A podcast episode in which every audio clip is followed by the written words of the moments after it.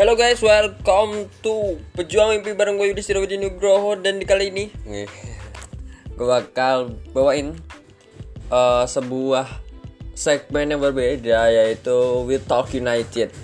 Di mana di sini gue akan berbicara soal pandangan gue tentang klub yang menjadi kesayangan gue.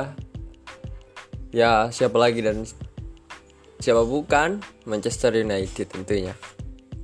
Berada di top 1 perebutan juara gelar Premier League itu adalah menjadi menjadi gambaran buat beberapa tim bahwa United is back. United on the track. Mungkin itu kata yang paling pas ketika kita berbicara soal United. Tapi yang perlu kita tahu bahwa lu semua atau gua pun sebagai fans United tentunya pasti senang dengan peringkat satu ini setelah kita kemarin menang lawan Brunei. Nggak usah lo gengsi buat ngungkapin apa ya kebahagiaan lo bahwa Manchester sekarang berada di top 1 perebutan juara Premier League pada uh, game atau pertandingan ke-17 di Premier League. Karena apa? United terakhir di posisi 1 itu tahun 2013 di awal musim ketika mengalahkan Chelsea that's it. Dan uh, wajar ketika kita sekarang bahagia akan akan hal itu akan uh, sebuah pencapaian dari United sendiri. Oleh sudah uh, bergerak uh, selama kalender ini ya dua tahun membangun United itu tentunya nggak mudah dan banyak tantangan. Dari mulai oleh out kalau zaman dulu mungkin ada Terra Vergi di mana awal musim Ferguson menukangi Manchester United 3 tahun itu belum ada gelar dan ada hashtagnya namanya Terra. Namun sekarang berubah menjadi all out. Itu yang mungkin sekarang terjadi dan beberapa teman-teman mengalami. Bahkan ketika gue cek Twitter, trending di Twitter pas kita posisi satu masih all out. Karena beberapa fans United berpikir bahwa dengan adanya all out, oleh sadar bahwa dia harus apa ya tetap menjaga konsistensinya untuk merebut gelar juara Premier League. Tapi yang gue menjadi sebuah keganjalan kenapa? Bro, United sudah lama nggak di posisi ini dan lu senang, lu euforia ya is okay gitu loh. Buat apa tagar oleh out? Lu sadar gak? Ada perubahan di bench pemain, ada perubahan di dalam apa ya tim. Lihat Instagram Pogba atau Instagram Lingard jarang ada Pogba joget-joget lagi. Jarang ada Lingard begaya-begaya lagi. Karena apa? Pendekatannya sudah beda. Pendekatan yang dilakukan oleh dan beberapa manajer lain itu berbeda. United is on track, bro. United sudah on track, bro. Itu itu yang mau gue katain buat lo fans United yang sampai sekarang masih mengesampingkan oleh. Lo lihat di pertanggal 14 ini baru satu pemain yang diumumkan yaitu Ahmad Diallo. Umur 19 tahun dari Atalanta. Kalau media kalau lu searching di media-media Eropa berkata bahwa uh, Ahmad Diallo bagus mainnya. Tapi gini uh, yang jelas oleh beli Ahmad Diallo itu pasti ada sebuah apa ya sebuah tujuan. Ada sebuah pemikiran bahwa rata-rata oleh akan membeli pemain muda karena apa? Sinkron dengan dia mengembalikan Dean Henderson ke dalam Scott United. Kenapa? Karena di 2022 dia ingin membangun tim yang lebih apa ya yang lebih jangka panjang. Dan ini sudah on track sesuai dengan apa ya darah daging United Sir Alex Ferguson dari tahun 1980-an dia menukangi Manchester sampai tahun 2000-an itu udah sekitar berapa 20 tahun lebih dia menukangi Manchester United gitu.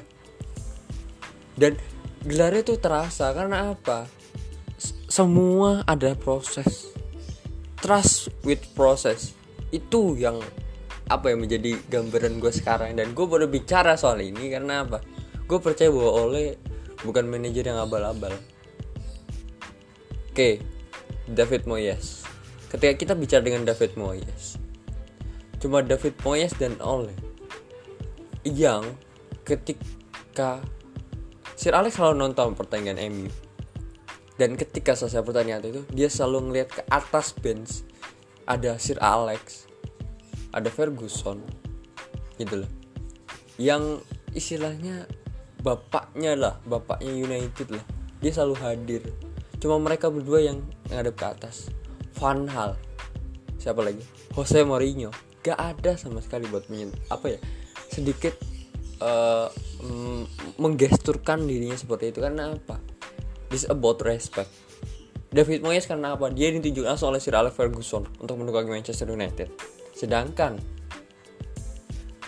Ole merupakan anak kepercayaannya Sir Alex waktu zamannya. Waktu zaman MU masuk uh, champion MU juara champion 2008 dan sebelum sebelum itu MU juara Premier League. Dia menjadi super sub. Dan jadi menurut gue buat lu semua fans kardusnya Manchester United gue percaya MU di zaman Ole udah sesuai track banget dan ketika lo bertanya tentang Van de Beek, karena apa? Van de Beek itu nggak pernah bermasalah bahwa dirinya selalu dicadangkan. Karena apa? Oleh membeli dia tuh pasti ada apa ya? Ada tujuan tujuan di balik itu. Karena apa? Bruno Fernandes adalah sekarang pemain kunci Manchester United dan gol Manchester United yang dipengaruhi oleh kreativitas dari Bruno itu udah hampir 80% 80% gol yang ada di Manchester United sejak ada Bruno itu di, di apa ya istilahnya kreativitas dari Bruno gitu. Pemain ini bakal menjadi kunci atau pemain bakal ini pemain ini menjadi pemain terbaik di MU sekarang.